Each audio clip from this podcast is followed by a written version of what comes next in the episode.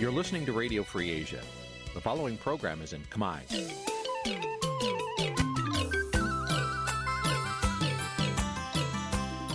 នេះជាកម្មវិធីផ្សាយ Vuthu Azizi Serai នេះជាកម្មវិធីផ្សាយរបស់ Vuthu Azizi Serai ជាភាសាខ្មែរ Vuthu Azizi Serai សូមស្វាគមន៍លោកអ្នកនាងទាំងអស់ពីរដ្ឋធានី Washington នៃសហរដ្ឋអាមេរិក ចាប់ពីរដ្ឋធានី Washington នាងខ្ញុំម៉ៃសុធានីសូមជម្រាបសួរលោកអ្នកស្ដាប់ទាំងអស់ជាទីមេត្រីចាយើងខ្ញុំសូមជូនការផ្សាយសម្រាប់ព្រឹកថ្ងៃអាទិត្យ15កើតខែពិសាខឆ្នាំខាលចត្វាស័កពុទ្ធសករាជ2565ហើយដល់ត្រូវនៅថ្ងៃទី15ខែឧសភា គ្រិស្តសករាជ2022ជាដំបូងនេះសូមអញ្ជើញលោកអ្នកនាងកញ្ញាស្ដាប់ព័ត៌មានប្រចាំថ្ងៃដែលមានមេត្តាដូចតទៅ thank you អ្នកវិភាគថាសេចក្តីថ្លែងការណ៍ស្តីពីចក្ខុវិស័យរួមរបស់អាស៊ាននិងអាមេរិកមានតម្លៃធំធេងសម្រាប់តំបន់អាស៊ានទាំងមូលលោកហ៊ុនសែនអំពាវនាវឲ្យបរដ្ឋអត់ធ្មត់ចំពោះការវេប្រហារដោយស្បែកជើងមកលើរូបលោក ក្រុមកម្មកររោងចក្រកាត់ដេរបន្តទៀមទាឲ្យថៃកែបើកប្រាក់ឈ្នួលជូនពួកគាត់ឲ្យបានឆាប់ឆាប់ចាប់ប្រធានពន្ធនាគារខេត្តបៃលិនរងការចោទថាបានទទួលសំណូកពីអ្នកទោសរួមនឹងព័ត៌មានសំខាន់សំខាន់មួយចំនួនទៀតចាត់ជាបន្តទៅទៀតនេះនាងខ្ញុំម៉ៅសុធានីសូមជូនព័ត៌មានទាំងនោះពឺស្ដាប់ ចាលោកនានីជាទីមេត្រីសហរដ្ឋអាមេរិកនិងប្រទេសសមាជិកអាស៊ាន បន្តបដិញ្ញាចិត្តខ្ពស់ក្នុងការពង្រឹងទំនាក់ទំនងឲ្យកាន់តែស៊ីជម្រៅនិងគ្រប់ជ្រុងជ្រោយបន្ថែមទៀតការបដិញ្ញានេះធ្វើឡើងក្នុងឱកាសកិច្ចប្រជុំកំពូលពិសេសអាមេរិកអាស៊ាន នៅរដ្ឋធានី Washington ដែលបានបិទបញ្ចប់កាលពីថ្ងៃទី13ខែឧសភាចាប់ពីរដ្ឋធានី Washington លោកយ៉ងច័ន្ទតារារាយការណ៍ព័ត៌មាននេះ សហរដ្ឋអាមេរិកនិងអាស៊ានបដិញ្ញាចិត្តបង្កើតឲ្យបាននៅភាពជាដៃគូយុទ្ធសាស្ត្រគ្រប់ជ្រុងជ្រោយនៅក្នុងកិច្ចប្រជុំកំពូលអាស៊ានអាមេរិកលើកទី10ដែលនឹងប្រព្រឹត្តទៅនៅខែវិច្ឆិកាឆ្នាំ2022ខាងមុខនេះបើយោងតាមសេចក្តីថ្លែងការណ៍ស្តីពីចក្ខុវិស័យរួមដែលជាលទ្ធផល បានមកពីកិច្ចប្រជុំកំពូលពិសេសអាមេរិកអាស៊ាន កាលពីថ្ងៃទី12និង13ខែឧសភា សេចក្តីថ្លែងការណ៍នេះឲ្យដឹងទៀតថាប្រធានាធិបតីអាមេរិកលោកโจ Biden និងថ្នាក់ដឹកនាំនៃប្រទេសសមាជិកអាស៊ាន បានបញ្ជាក់សារជាថ្មីទៀតអំពីការបដិញ្ញាចិត្តរួមគ្នាដើម្បីពង្រឹងនិងកសាងទំនាក់ទំនងស្តីពីកិច្ចសន្ទនាអាមេរិកអាស៊ានឲ្យកាន់តែទូលំទូលាយ។ ជាពិសេសភាគីទាំងពីរបានបញ្ជាក់សម្រាប់ថ្ងៃខាងមុខទៀតអំពីការបដិញ្ញាចិត្តរួមគ្នាដើម្បីថែរក្សា និងលើកកម្ពស់សន្តិភាព សន្តិសុខនិងស្ថិរភាពនៅក្នុងតំបន់ព្រមទាំងការបដិញ្ញាចិត្តរួមគ្នាចំពោះដំណោះស្រាយដោយសន្តិវិធីលើចំនួនទាំងឡាយនៅក្នុងនោះមានដូចជាការគោរពឲ្យបានពេញលេញនៅនីតិវិធីតាមផ្លូវទូតនិងផ្លូវច្បាប់ដោយមិនប្រើប្រាស់ការគំរាមកំហែង ឬកងកម្លាំងដោយអនុលោមតាមច្បាប់អន្តរជាតិ ជុំវិញរឿងនេះអ្នកជំនាញផ្នែកច្បាប់អន្តរជាតិនិងវិទ្យាសាស្ត្រនយោបាយកញ្ញាសេងធីរីមានប្រសាសន៍ថាសេចក្តីថ្លែងការណ៍ស្តីពីចក្ខុវិស័យរួមនេះមានតម្លៃធំធេងសម្រាប់តំបន់អាស៊ានទាំងមូលក៏ប៉ុន្តែប្រទេសចិនកុម្មុយនីសនឹងមិនពេញចិត្តចំពោះរឿងនេះឡើយនេះជាប្រវត្តិសាស្ត្រនៅក្នុងការចងក្រងឲ្យមន់ហើយសូមគូបញ្ជាក់ថានៅក្នុងចក្ខុវិស័យរួមនេះអត់មាននិយាយអំពីចិនទេគេនិយាយអំពីគោលការណ៍ធំធំហើយគេយកយកគោលការណ៍នឹងគេបញ្ជាក់តាមចំណុចលម្អិតថែមទៀតគេអត់លើកប្រទេសចិនឡើងទេប៉ុន្តែយើងដឹងហើយជាក់ស្ដែងនេះជាការឆ្លើយតបរបស់អាមេរិកទៅប្រទេសចិនបានចឹងចិនកំពុង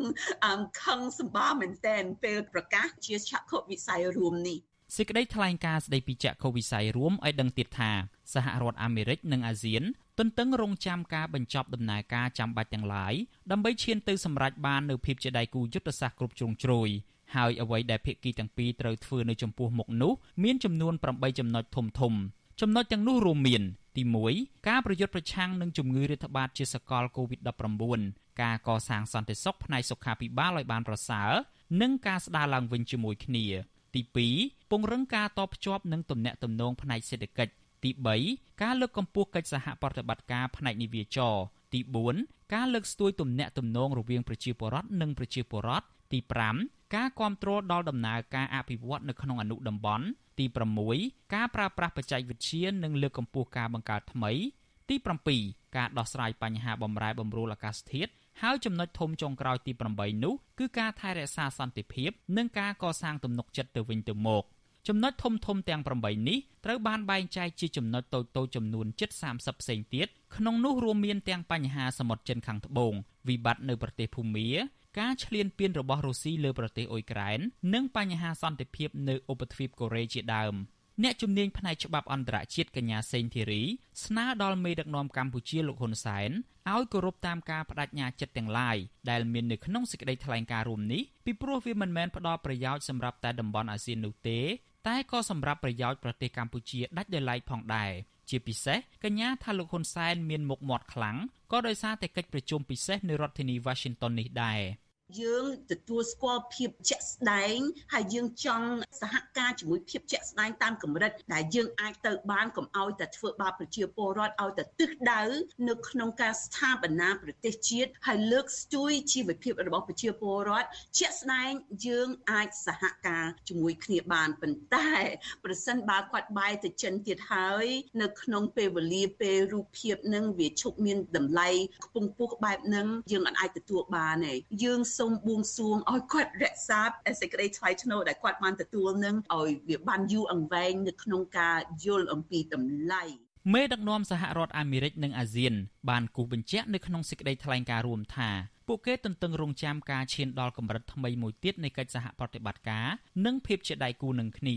រីឯជំហានបន្ទាប់ទៀតនោះគឺរដ្ឋមន្ត្រីពាក់ព័ន្ធរបស់សហរដ្ឋអាមេរិកនិងអាស៊ាន មានភារកិច្ចសម្របសម្រួលការអនុវត្តសេចក្តីថ្លែងការណ៍ស្តីពីចក្ខុវិស័យរួមនេះដើម្បីឈានទៅសម្រេចបាននូវរបៀបវារៈប្រកបដោយមហិច្ឆតានេះនៅក្នុងរយៈពេលប្រមាណខែនិងប្រមាណឆ្នាំទៀតខាងមុខ។ចាប់តាំងពីឆ្នាំ2002មកសហរដ្ឋអាមេរិកបានពង្រឹងភាពជាដៃគូជាមួយអាស៊ានកាន់តែខ្លាំងតាមរយៈការផ្តល់ទឹកប្រាក់លើសពី12000លានដុល្លារអាមេរិកសម្រាប់ជំនួយផ្នែកអភិវឌ្ឍសេដ្ឋកិច្ច សុខាភិបាល និងជំនួយផ្នែកសន្តិសុខនៅក្នុងរយៈពេលដូចគ្នានេះដែរសហរដ្ឋអាមេរិកបានផ្តល់ជំនួយមនុស្សធម៌ជាង1400លានដុល្លារផ្សេងទៀតនៅក្នុងនោះរួមមានជំនួយសម្រាប់គ្រោះមហន្តរាយកម្មវិធីស្បៀងអាហារនិងការគ្រប់គ្រងដល់ជនភៀសខ្លួននៅក្នុងតំបន់អាស៊ីអាគ្នេយ៍ខ្ញុំយ៉ងច័ន្ទដារាវិទ្យុអាស៊ីសេរីរាយការណ៍ពីរដ្ឋធានី Washington ចាលោកនានីជាទីមេត្រីសាធារណជនបញ្ចេញទស្សនៈផ្សេងផ្សេងគ្នាជុំវិញបរដ្ឋខ្មែរអមេរិកម្នាក់ដែលបានយកស្បែកជើងគប់ក្បាលលោកនាយករដ្ឋមន្ត្រីហ៊ុនសែនក្នុងពេលដែលលោកជួបជាមួយអ្នកគាំទ្រនៅសហរដ្ឋអាមេរិកមន្ត្រីរដ្ឋាភិបាលជាពិសេសកូនប្រុសរបស់លោកហ៊ុនសែនបានប្រកាសថ្កោលទោសនឹងថាពួកគេមិនអាចទទួលយកបានឡើយ ចាប៉ុន្តែប្រជាប្រដ្ឋខ្មែរមួយចំនួនចាត់ទុកថាការយកស្បែកជើងគប់ក្បាលនេះគឺជារឿងធម្មតានៅក្នុងសង្គមប្រជាធិបតេយ្យហើយចំណែកអ្នកខ្លះថាលោកហ៊ុនសែនសមនឹងរងភាពអាម៉ាស់នៅលើឆាកអន្តរជាតិដោយសារទង្វើមន្ត្រីរបស់លោកចានេះគឺជាសកម្មភាពរបស់លោកយុនសមៀនដូចតទៅ ពលរដ្ឋខ្មែរអាមេរិកម្នាក់គឺលោកអុកទូចបានយកស្បែកជើងគកក្បាលលោកហ៊ុនសែនក្នុងពេលលោកជួបអ្នកគាំទ្រនៅសហរដ្ឋអាមេរិកនៅសប្តាហ៍នេះបានធ្វើឲ្យមានការចាប់អារម្មណ៍យ៉ាងខ្លាំងពីសាធារណជននិងមន្ត្រីរដ្ឋាភិបាលសមាជិកយុវជនសមាគមនិស្សិតបញ្ញវន្តខ្មែរកញ្ញាអេងម៉ាឡៃហៅសូមេតាថ្លែងថា ប្រទេសប្រកាន់ប្រជាធិបតេយ្យការគប់ស្បែកជើងលើមេដឹកនាំអសមត្ថភាពក្នុងការបញ្ចប់អំពើហិង្សា និងអំពើអយុត្តិធម៌ក្នុងសង្គមដោយការរំលោភច្បាប់និងសិទ្ធិមនុស្សគឺមិនធ្ងន់ធ្ងរនោះទេកញ្ញាថាកញ្ញាជាជនរងគ្រោះម្នាក់ក្នុងចំណោមជនរងគ្រោះផ្សេងទៀតដែលរងការទាត់ធាក់ជាប្រមាថនិងជាប់ពន្ធនាគារទាំងគ្មានកំហុសហើយកញ្ញាមិនដែលទទួលបានយុត្តិធម៌ឡើយ។ ដោយសារគាត់ឈឺចាប់គាត់ឃើញប្រទេសជាតិរបស់គាត់កំពុងតែលិចលង់ហើយមានការរំលោភបំពានហ្នឹងក៏វាធ្ងន់ធ្ងរទៅប្រជាពលរដ្ឋខ្លួនឯងមានការចាប់ចងធ្វើទុកបុកម្នេញរដ្ឋបិទខាងតស៊ូមតិចាប់ចងបាញ់សម្លាប់យើងមិនបានយុត្តិធម៌សម្រាប់ខ្លួនឯងហើយក៏มันមានយុត្តិធម៌សម្រាប់ប្រជាពលរដ្ឋខ្មែរនិងទឹកដីខ្លួនឯងត្រូវអ្នកគ្រប់គ្រងប្រទេសខ្លួនឯងនឹងចាប់ដាក់គុកទៀតអញ្ចឹងវាឈឺចាប់មែនតើ ស្រដៀងគ្នានេះដែរសមាជិកស្ត្រីថ្ងៃសុកលោកស្រីអុកចន្ទធីដែលរងការធ្វើទុកបុកម្នេញពីសំណាក់អាជ្ញាធររបស់លោកហ៊ុនសែនយល់ថាការគប់ស្បែកជើងនេះគឺផ្ដើមចេញពីការឈឺចាប់របស់ពលរដ្ឋក្រោមការដឹកនាំរបស់រដ្ឋាភិបាលបច្ចុប្បន្នលោកស្រីបន្តថាករណីនេះនៅតិចតួចនិងស្រាលបើធៀបទៅនឹងទុកវេទនារបស់ពលរដ្ឋខ្មែរដែលទទួលរងការវាយដំការកាប់សម្លាប់និងចាប់ខ្លួនដាក់ពន្ធនាគារទាំងអយុត្តិធម៌ពីសំណាក់រដ្ឋាភិបាល គាត់គិតថាអំពើរបស់ពួកគាត់ដែលធ្វើមកលើគេនឹងការសម្បាយលេងសើចរបស់ពួកគាត់មកទៅដល់គេធ្វើចំពោះគាត់វិញគាត់ថាគាត់ចេញសារមកកោតទោសហ្នឹងខ្ញុំយល់ឃើញថាគាត់ហ្នឹងជាអ្នកផ្ដាច់ការគឺអញ្ចឹងគឺមិនដូចប្រទេសជាធិបតេយ្យទេ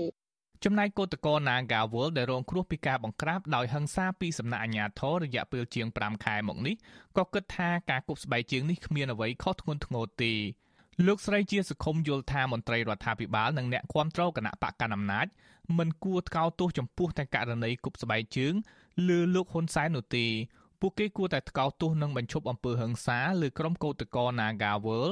ដែលធ្វើកោតកម្មដោយអហិង្សាផងដែរ។ អ្វីដែលគាត់ធ្វើហ្នឹងគឺដើម្បីទាំងខ្មែរគាត់មានការខឹងសម្បាទាំងអស់តែគាត់ថាអ្វីដែលពួកខ្ញុំធ្វើនេះគឺដើម្បីតែឆ្នាំងបាយ3ពេលតែវាតគាត់ទទួលនៅភាពអយុត្តិធម៌ខ្ពស់ដែរតែយើងមិនដឹងថាស្រែកឬទាមទារឲ្យអ្នកណាជួយនៅឲ្យអ្នកណាមើលមានតែធ្វើរហូតហ្នឹងមិនដឹងថាគាត់នាយករដ្ឋមន្ត្រីយើងគាត់នឹងបើប្រណេតមើលនៅពេលណាទេអាហ្នឹងយើងមានតែតស៊ូទៅមុខទៀតនឹងឯង តកតងទៅនឹងករណីនេះដែរព្រះសង្ឃគង់នៅវត្តទីក្រុងម៉ុងរ៉េអាលប្រទេសកាណាដាប្រដេជគុណបណ្ឌិតហុកសាវ៉ាន់មានថេរដីកាថាអំពើកម្មផលដែលមន្ត្រីគណៈបកប្រជាជនកម្ពុជានិងលោកហ៊ុនសែនដែលបានសាងលើពលរដ្ឋខ្មែរកន្លងមកមិនអាចលុបលាងបាននោះទេបដិជគុណបន្តថាអំពើបាបកម្មទាំងនេះនឹងតបស្នងត្រឡប់មកវិញនៅពេលបច្ចុប្បន្នឬនៅថ្ងៃអនាគត ផលទៅគេទុកជាខ្មាំងជាសត្រូវព្រោះប្រជារាស្ត្ររបស់ខ្លួនទុកជាសត្រូវទៀតព្រោះធ្វើបាបគេបានដល់ធ្វើបាបខ្លួនវិញសិនគេខុសចាប់គេដាក់គុកដាក់ច្បាប់ព្រោះអត់ត្រូវទេឯងធ្វើនឹងគឺបាបកម្មកាន់ខ្លាំងឡើងថែមទៀតបើតាមពុទ្ធសាសនាណាថាបើគេធ្វើស្អីមួយទៅមើលខ្លួនឯងតែខ្លួនឯងមិនខុសអីទេមើលខ្លួនឯងមុនក៏មុនចោតគេមើលខ្លួនឯងខុសអីខ្លះ បើគេធ្វើអញ្ចឹងមើលទៅឃើញឃើញខ្លួនធ្វើបាបរាបែបមិនខ្លះហ្នឹងគេអត់ទៅកាប់សម្លាប់ចាប់ដាក់គុកដាក់ចង្វាន់នៅឡើយទេគេគាត់ចោលធ្វើអាម៉ាស់មុខទេទោះបីជាយ៉ាងណាមន្ត្រីក្រាក់ក្រាក់ដែលគាំទ្រលោកហ៊ុនសែនបានប្រកាសថ្កោលទោសលោកអុកទូចជាបន្តបន្ទាប់ក្នុងនោះកូនប្រុសរបស់លោកនាយករដ្ឋមន្ត្រីហ៊ុនសែនគឺលោកហ៊ុនម៉ាណីថាទង្វើគប់ស្បែកជើងទៅលើឪពុករបស់លោក គឺជាការប្រមាថឪពុកលោក និងជាទង្វើជ្រុលនិយមដែលមិនអាចទទួលយកបានជាដាច់ខាត ស្រដៀងគ្នានេះដែរអបនាយករដ្ឋមន្ត្រីនិងជារដ្ឋមន្ត្រីទំនាក់ទំនងរដ្ឋសភានិងព្រឹទ្ធសភាអ្នកស្រីម៉ែនសំអនក៏ចាត់ទុកទង្វើគប់ស្បែកជើងលើលោកហ៊ុនសែនជាទង្វើថោកទាបនិងជាការប្រមាថដែលមិនអាចទទួលយកបាននិងលើកលែងឬសម្រាលទោសកំហុសដល់ពួកជ្រុលនិយមបានទេកាលពីថ្ងៃទី11ខែឧសភាលោកអុកទូចបានយកស្បែកជើងគប់តម្រង់ទៅក្បាលលោកនាយករដ្ឋមន្ត្រីហ៊ុនសែនដែលកំពុងថតរូបនឹងអ្នកគាំទ្រលោក ប៉ុន្តែស្បែកជើងនោះមិនត្រូវក្បាលលោកហ៊ុនសែនទេពេលនោះលោកហ៊ុនសែនភ្ញាក់ប៉ុន្តែមិនបាននិយាយអ្វីនោះទេលោកអុកទូចអះអាងថាមូលហេតុដែលលោកគប់ក្បាលលោកហ៊ុនសែនដោយសារតែលោកខឹងនឹងលោកហ៊ុនសែនសម្រាប់លទ្ធិប្រជាធិបតេយ្យនិងធ្វើទុកបុកម្នេញបាញ់ប្រហារបោកគ្រាប់បែកនិងសម្រាប់ពលរដ្ឋខ្មែរជាច្រើនអ្នកដែលមិនគាំទ្រលោកក្នុងអំឡុងពេលលោកដឹកនាំប្រទេសបច្ចុប្បន្នលោកអុកទូចអាចរួចផុតពីការចាប់ខ្លួននឹងការវាយដំសងសឹកនេះដោយសារតែលោករស់នៅសហរដ្ឋអាមេរិក ដែលជាប្រទេសប្រជាធិបតេយ្យពិតប្រាកដប៉ុន្តែប្រសិនបើលោករស់នៅកម្ពុជាវិញលោកហ៊ុនសែនទំនងជានឹងមិនបណ្ដោយឲ្យរួចខ្លួនឬបានរស់នៅដោយសុខស្រួលនោះទេកន្លងមកស្ត្រីមេម៉ាយជាកម្មកររោងចក្រម្នាក់ឈ្មោះសំសុខាត្រូវបានអាជ្ញាធរលោកហ៊ុនសែនតាមចាប់ពីប្រទេសថៃមកដាក់ទោសក្នុងពន្ធនាគារនៅប្រទេសកម្ពុជារហូតដល់រយៈពេល4ឆ្នាំដោយសារតែលោកស្រីបានយកស្បែកជើងគប់ស្លាកគណៈបកប្រជាជនកម្ពុជា ដែលមានរូបលោកហ៊ុនសែននិងលោកហេងសំរិនជុំវិញរឿងនេះអ្នកនាំពាក្យសមាគមការពារសិទ្ធិមនុស្សអាត់ហុកលោកសង្សានករណាមានប្រសាសន៍ថាប្រទេសប្រកាន់ប្រជាធិបតេយ្យចាត់ទុកការគប់ស្បែកជើងលើមេដឹកនាំគឺជាការបញ្ចេញមតិដោយពំមានទោសកំហុសនោះទេលោកយល់ថាប្រសិនបើរដ្ឋាភិបាលយកចិត្តទុកដាក់ដោះស្រាយលើបញ្ហាការគោរពសិទ្ធិមនុស្ស និងស្ដារលទ្ធិប្រជាធិបតេយ្យព្រមទាំងឆ្លើយតបក្តីកង្វល់របស់ប្រជាពលរដ្ឋពិតប្រាកដនោះបញ្ហានេះនឹងមិនកើតមាននោះទេម្យ៉ាងវិញទៀតមន្ត្រីសង្គមស៊ីវិលរូបនេះក៏ចង់ឃើញមន្ត្រីរដ្ឋាភិបាលហ៊ានប្រតិកម្មរឿងអយុត្តិធម៌សង្គមបញ្ហាបំផ្លាញព្រៃឈើធនធានធម្មជាតិទទួលយកសំណុំពរនិងឆ្លើយតបដោះស្រាយសំណើរបស់ពលរដ្ឋឲ្យបានឆាប់រហ័សឲ្យស្មើភាពគ្នា មានដែរប្រទេសមួយចំនួនគេដឹកនាំមិនល្អវាធម្មតាទេប្រជាធិបតេយ្យវាមានអ្នកមិនពេញចិត្តអញ្ចឹងហើយបានជាមានការប្រតិកម្មតបតាមទៅសកម្មភាពផ្សេងផ្សេងហើយគេគេមានការទទួលយកអីចឹងទៅដោះស្រាយបដាអីចឹងទៅប៉ុន្តែយើងភាគច្រើនគឺយើងឃើញថាបង្កឲ្យបញ្ហានឹងវាចេះតែកើតមានឡើងហើយកកាន់តែច្រើនទៅច្រើនទៅឲ្យคล้ายទៅជាគំនុំខឹងសម្បាទៅជាកំហឹងទៅវិញអាហ្នឹងខ្ញុំគិតថាវាមិនគួរណាកើតមានឡើងទេនៅក្នុងសង្គមប្រជាធិបតេយ្យណាបាទ ស្រដៀងគ្នានេះដែរនាយិកាមជ្ឈមណ្ឌលសិទ្ធិមនុស្សកម្ពុជា CCHR អ្នកស្រីច័កសុភីបបានបង្ហោះសារលើ Facebook កាលពីថ្ងៃទី13ខែឧសភាថាអញ្ញាធរគួរបដិញ្ញាឆ្លើយតបប្រឆាំងនឹងទម្រង់ហិង្សាដែលកើតឡើងចំពោះពលរដ្ឋគ្រប់រូបដោយមិនចំពោះតែករណីដែលកើតឡើងលើឋានៈដឹកនាំឬមន្ត្រីរបស់ខ្លួននោះទេ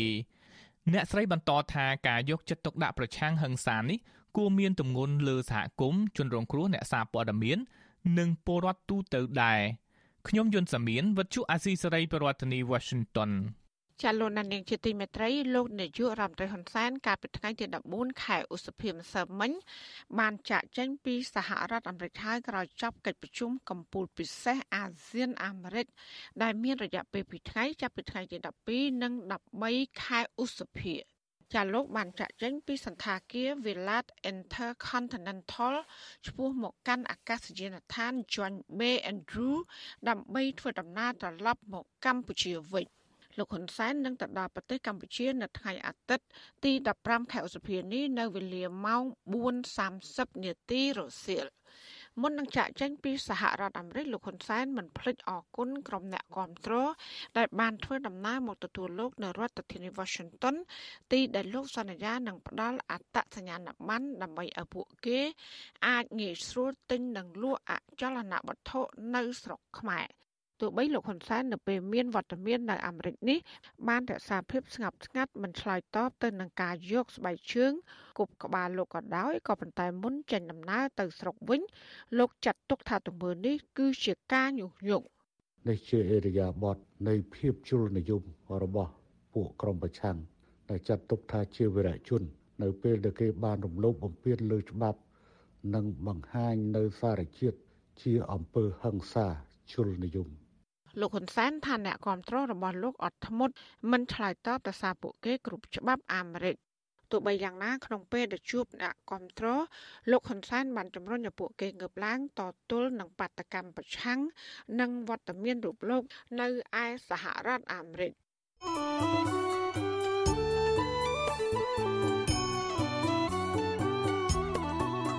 ចាលោកនាងជាទីមេត្រីក្រោយទៅពីការស្ដាប់ការផ្សាយរបស់វិទ្យុអសីស្រីតាមបណ្ដាញសង្គម Facebook និង YouTube លោកនាងកញ្ញាក៏អាចស្ដាប់ការផ្សាយរបស់យើង តាមរយៈរលកធាតុអាកាសខ្លីឬ Short Wave ដូចតទៅចាប់ពីព្រឹកចាប់ពីម៉ោង5កន្លះដល់ម៉ោង6កន្លះគឺតាមរយៈរលកធាតុអាកាសខ្លី12140 kHz ស្មើនឹងកម្ពស់ 25m និង13715 kHz ស្មើនឹងកម្ពស់ 22ម៉ែត្រចាសម្រាប់ពេលយប់វិញគឺចាប់ពីម៉ោង7កន្លះដល់ម៉ោង8កន្លះគឺតាមរយៈរលកធាតុអាកាសខ្លី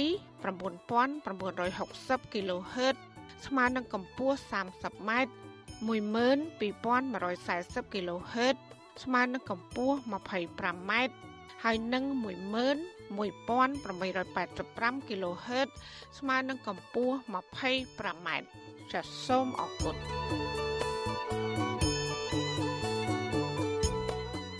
លោកអ្នកស្ដាប់យុតិមេត្រីសាឡាតូក្រុងបាក់សវនាការដើម្បីពិភាក្សាដេញដោលលើករណីឃុំខ្លួនស្ថាបនិកគណៈបកបេដងជាតិលោកសៀមភ្លុកនៅសប្តាហ៍ក្រោយ មន្ត្រីសង្គមស៊ីវិលជំរុញឲ្យមានការត្រួតពិនិត្យស្នាមមេដៃឡើងវិញដើម្បីឲ្យគ្រប់ភាគីអាចទទួលយកបាននូវលទ្ធផលស៊ើបអង្កេតរបស់ក្រសួងមហាផ្ទៃចាលោកសេកបណ្ឌិតរាជការព័ត៌មាននេះលិខិតអញ្ជើញរបស់សាលាឧទ្ធរបង្គាប់ឲ្យមេធាវីការពីក្តីឲ្យលោកសៀមភ្លុកចូលរួមសវនាការនៅវេលាម៉ោង8ព្រឹកថ្ងៃទី18ខែឧសភាខាងមុខ ស្លាវធរនឹងធ្វើការដេញដោលលើបណ្ដឹងរបស់មេធាវីការពីក្តីលោកសៀមភ្លុកដែលមិនពេញចិត្តទៅនឹងសារដីកាសម្រេចឃុំខ្លួនរបស់ចៅក្រមស៊ើបសួរសាលាដំបងរាជធានីភ្នំពេញលោកលីសុខាមេធាវីការពីក្តីឲ្យលោកសៀមភ្លុកគឺលោកជុងជុងងីឲ្យវិទ្យុអស៊ីសេរីដឹងថា លោកបានទទួលលិខិតរបស់សាលាធរនិងត្រៀមខ្លួនការពារក្តីឲ្យលោកសៀមភ្លុករួចហើយលោកមេធាវីឲ្យដឹងទៀតថា នៅថ្ងៃច័ន្ទ ដើមសប្តាហ៍ខាងមុខនេះលោកនឹងទៅពន្ធនាគារជួបកូនក្តីរបស់លោក ដើម្បីពិភាក្សាលើរឿងនេះមេធាវីការពារក្តីរូបនេះ រំពឹងថាសាលាឧទ្ធរនឹងផ្ដល់សេរីភាពដល់លោកសៀមភ្លុកវិញ។ អត់មានព័ត៌មានអ្វីពីសាលាដំបងទេ គឺយើងមានតែលិខិតអញ្ជើញពីសាលាទៅហើយយើងត្រៀមទៅការពីក្តីគាត់នៅសាលាទៅមុនសវនកម្មដើម្បីពិភាក្សាជាមួយគាត់ផ្ដល់ការប្រឹក្សាច្បាប់ត្រៀមសំអាងផ្សេងៗដើម្បីលើកទីពីឲ្យតឡាការដល់លែងគាត់វិញលោកមេធាវីជុងជុងងីបានដាក់ពាក្យប្តឹងទៅសាលាធរកាលពីចុងខែមេសាកន្លងទៅតវ៉ាចំពោះសាលាដំបងរាជធានីភ្នំពេញ ដែលបានសម្រេចឃុំខ្លួនកូនក្តីរបស់លោកដោយអយុត្តិធម៌និងមិនស្របតាមនីតិវិធីច្បាប់សមត្ថកិច្ចបានចាប់ឃុំខ្លួនស្ថាបនិកគណៈបកបេះដូងជាតិគឺលោកសៀមភ្លុកដាក់ពន្ធនាគារព្រៃសរម1កាលពីថ្ងៃទី27ខែមេសាតាក់ទងនឹងបទចោទក្លែងបន្លំ និងប្រើប្រាស់លិខិតក្លែង តាមបណ្ដឹងក្រសួងមហាផ្ទៃពាក់ព័ន្ធនឹងការសារសុំបង្កើតគណៈបកបេះដូងជាតិកាលពីឆ្នាំ2021 តកតូននឹងការចោទប្រកាន់នេះប្រធានអង្គការសម្ព័ន្ធភាពការពារសិទ្ធិមនុស្សកម្ពុជាហៅកាត់ថាច្រាក់លោករស់សថាព្រួយបារម្ភថា សំណុំរឿងនេះជាប់ពាក់ព័ន្ធនឹងរឿងនយោបាយច្រើនជាងការអនុវត្តច្បាប់លោកជំរុញទៅតុលាការថាគួររៀបចំឲ្យមានអ្នកជំនាញត្រួតពិនិត្យស្នាមមេដៃឡើងវិញឲ្យបានត្រឹមត្រូវព្រោះស្នាមមេដៃនេះជាដើមចមនៃការចោទប្រកាន់លោកសៀមភ្លុកពិនិត្យមើលឲ្យបានប៉ះលាស់នៅផុសតាំងដែលតុលាការចោទប្រកាន់គាត់ ខ្លាយបន្លំមកស្នាមដៃរបស់អ្នកគ្រប់គ្រងអញ្ចឹងណាក៏យើងក៏មិនត្រូវភ្លេចមើលហ្នឹងដែរខ្ញុំយ៉ាងណាឲ្យយើងអាចដឹងថាស្នាមដៃទាំងនោះពិតជាគេថាស្នាមដៃខ្លាយខ្លាយណាតកតងនឹងស្នាមមេដៃនេះដែរមេធាវីការពីក្តីឲ្យលោកសៀមភ្លុកឲ្យដឹងថាក្រសួងមហាផ្ទៃមិនបានអនុញ្ញាតឲ្យមានអ្នកជំនាញដែលឯករាជ្យស៊ើបអង្កេតនោះទេគឺអ្វីអ្វីគ្រប់យ៉ាងទាំងការរកឃើញពីភាពមិនប្រក្រតីនៃស្នាមមេដៃ និងការចោទប្រកាន់គឺក្រសួងមហាផ្ទៃធ្វើឡើងដោយអត្តនោម័តចំណែកមន្ត្រីសង្គមស៊ីវិលធ្វើការងារផ្នែកការបោះឆ្នោតធ្លាប់លើកឡើងថានីតិវិធីនៃច្បាប់បោះឆ្នោតមិនបានចែងដាក់ទោសព្រមត្តនក្នុងដំណើរនៃការចុះបញ្ជីគណៈបកនយោបាយនោះទេនិងជំរុញឲ្យបញ្ចប់សំណុំរឿងត្រឹមការសម្រេចមិនចុះបញ្ជីឲ្យគណៈបកបេះដូងជាតិលោកសៀមភ្លុកធ្លាប់ប្រាប់បទសុអសីសេរីឲ្យដឹងនៅមុនការចាប់ខ្លួនលោកថាសំណុំរឿងនេះ អាចមានការមិនយល់គ្នាឬមានការយល់ច្រឡំរវាងលោក និងតំណាងក្រសួងមហាផ្ទៃពាក់ព័ន្ធផ្លូវច្បាប់លោកថាករណីតុលាការឃុំខ្លួនលោកបណ្ដោះអាសន្ននេះអាចនឹងត្រូវរងចាំការជំនុំជម្រះមួយ ដែលធ្វើឡើងតាមយុទ្ធសាស្ត្រនយោបាយខ្ញុំបាទសេកបណ្ឌិតវិទ្យុអាស៊ីសេរីពីរដ្ឋធានីវ៉ាស៊ីនតោន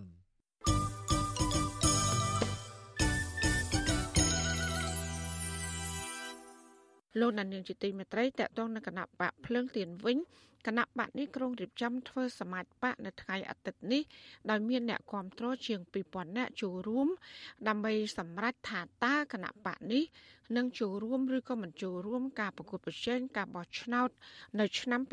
2022និងឆ្នាំ2023ខាងមុខ ក៏ប៉ុន្តែអ្នកខ្លំមើលយកឃើញថាគណៈបកនេះនឹងអាចផ្ដល់ក្តីសង្ឃឹមថ្មីដល់ប្រដ្ឋម្ចាស់ឆ្នោតក៏ប៉ុន្តែមន្ត្រីបកកណ្ដាលអំណាចថាពួកគេមិនបារម្ភពីវត្តមានគណៈបកភ្លើងទៀននោះឡើយជាប្រធានាធិបតី Washington លោកជាតិចំណានរាយការណ៍ព័ត៌មាននេះ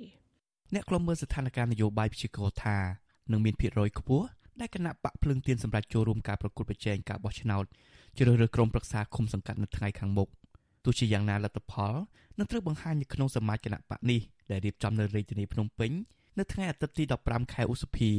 លិខិតអញ្ជើញរបស់គណៈបកភ្លើងទៀនឲ្យដឹងថា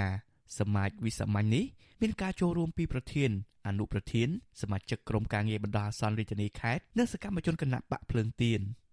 សមាជនេះមានរបៀបវិរៈអនុវត្តគោលនយោបាយឃុំសង្កាត់ឆ្នាំ2022អនុប្រធានគណៈបកនិងជាអ្នកនាំពាក្យគណៈបកភ្លើងទៀនលោកថៃសេថា ឲ្យវិសុអសិសរីដឹងថាតាមគម្រោងនឹងមានអ្នកចូលរួមជាង2000នាក់លោកបន្តថាគណៈបកបានជួលដំណឹងទៅអាជ្ញាធរមូលដ្ឋានពីការជួបជុំនេះហើយលោកឲ្យដឹងទៀតថាគណៈបកនឹងសួរយោបល់ថ្នាក់ដឹកនាំនិងសកម្មជនគណៈបកនៅក្នុងសមាជនោះដើម្បីសម្រេចថានឹងចូលរួមការបោះឆ្នោតឬមិនចូលរួមការបោះឆ្នោតឆ្នាំ2022និងឆ្នាំ2023ខាងមុខ ព្រោះយើងគណៈបព្យាធិបតេយ្យយើងត្រូវការសម្លេងពពុះគាត់ណាប្រកួតហើយដូច្នេះបើគាត់ថាយល់ស្របយល់ព្រមថាការខិតខំនឹងឥឡូវវាគួរទៅដល់ដំណាក់កាលមួយចូលរួមក្នុងការបោះឆ្នោតដើម្បីឲ្យមានការផ្លាស់ប្ដូរទៅតាមសំណុំពរប្រជាពលរដ្ឋអីអាហ្នឹងគឺយើងនឹងគោរពទៅតាមឆន្ទៈរបស់ពួកគាត់ទាំងអស់ហ្នឹងបាទគណៈបកភ្លើងទៀនបានបង្ហាញចំហបែបនេះក្រោយពីគណៈបកនេះបានដាក់បេក្ខជនឈរឈ្មោះបោះឆ្នោតជ្រើសរើសក្រុមប្រឹក្សាគុំសង្កាត់ ស្ទើរតែទូទាំងប្រទេសជាង1600ឃុំសង្កាត់ដែលចំនួននេះប្រហាក់ប្រហែលទៅនឹងការដាក់បេក្ខជនរបស់គណៈបកកណ្ដាលអំណាចដែរអ្នកនាំពាក្យគណៈបកប្រជាជនកម្ពុជាលោកសុកអេសានលើកឡើងថាគណៈបកភ្លើងទៀនមានបំណងចង់ដណ្ដើមយកអាសនៈក្រុមប្រឹក្សាគុំសង្កាត់របស់គណៈបកប្រជាជនកម្ពុជាទោះជាយ៉ាងណាលោកថាគណៈបកនេះមិនមានការគម្រាមកំហែងដល់គណៈបកប្រជាជនកម្ពុជានោះទេព្រោះគណៈបកភ្លើងទៀនគឺគ្រាន់តែជាចំណែកតូចមួយរបស់គណៈបកសង្គ្រោះជាតិដែលត្រូវបានរំលាយចោលទៅហើយនោះ ហើយសង្គ្រោះជាតិចាញ់ទៅហើយនឹងនៅទាំងមូលចាញ់ទៅជាមួយនឹងសិទ្ធិមនុស្សហ្នឹងហើយឥឡូវនេះនៅតែមកខាងដល់មកខាងហ្វងរឿងអីទៅឈ្នះអេអាហ្នឹងចាំដល់បោះឆ្នោតហើយអាហ្នឹងខ្ញុំមានអ្នកទាយទេអាហ្នឹងសួរអ្នកវិភាគទៅគេទាយផ្ទុយពីការលើកឡើងរបស់មន្ត្រីបកកណ្ដាលអំណាចអតីតសមាជិកក្រុមប្រឹក្សាខណ្ឌពោធិ៍សែនជ័យនៃគណៈបកសង្គ្រោះជាតិលោកហងស៊ីសវ័តដែលកំពុងភៀសខ្លួននៅប្រទេសថៃរំពឹងថាគណៈបកភ្លើងទៀននឹងផ្ដល់ជំរកស្របច្បាប់ ដល់សកម្មជនគណៈបកសង្គ្រោះជាតិដែលគ្មានកន្លែងឈរជាច្រើនឆ្នាំមកហើយលោកបន្តទៀតថាគណៈបកនេះក៏នឹងផ្ដល់សេចក្តីសង្ឃឹមដល់ពលរដ្ឋដែលស្រឡាញ់ប្រជាធិបតេយ្យផងដែរទោះជាយ៉ាងណាលោកព្រួយបារម្ភថាស្ថាប័នរៀបចំការបោះឆ្នោតកោជបដោយសពថ្ងៃនឹងធ្វើឲ្យគណៈបកនេះជួបការប្រកួតប្រជែងមួយដែលគ្មានយុត្តិធម៌និងដំណាភាពបាទហ្នឹងហើយអ្វីដែលប្រជាពលរដ្ឋព្រួយបារម្ភនឹងខ្ញុំដែលជាសកម្មជនរបស់គណៈបកភ្លើងទៀនដែលមិនពេញចិត្តគឺលទ្ធផលឆ្នោត រៀងរាល់អាណត្តិរៀងរាល់ការបោះឆ្នោតម្ដងម្ដងគឺគោជបមិនឯករាជ្យមិនយុត្តិធម៌មិនអាចទទួលយកបានតែតែលួចកែតែតែលួចសន្លឹកឆ្នោតលួចគ្រប់ដំណាក់កាលទាំងអស់មន្ត្រីសម្របសម្រួលគម្រោងអ្នកតស៊ូមតិនៃសមាគមបណ្ដាញយុវជនកម្ពុជានិងជាអ្នកខ្លំមើលស្ថានភាពនយោបាយលោកម៉ៅចន្ទរាយល់ថាគណៈបកភ្លើងទៀននឹងអាចចូលរួមការបោះឆ្នោតនៅថ្ងៃខាងមុខនិងក្លាយជាគូប្រកួតប្រជែងដ៏ស្រួចស្រាលជាមួយនឹងគណៈបកកណ្ដាលអំណាចការលើកឡើងបែបនេះ ព្រោះលោកសង្កេតឃើញថា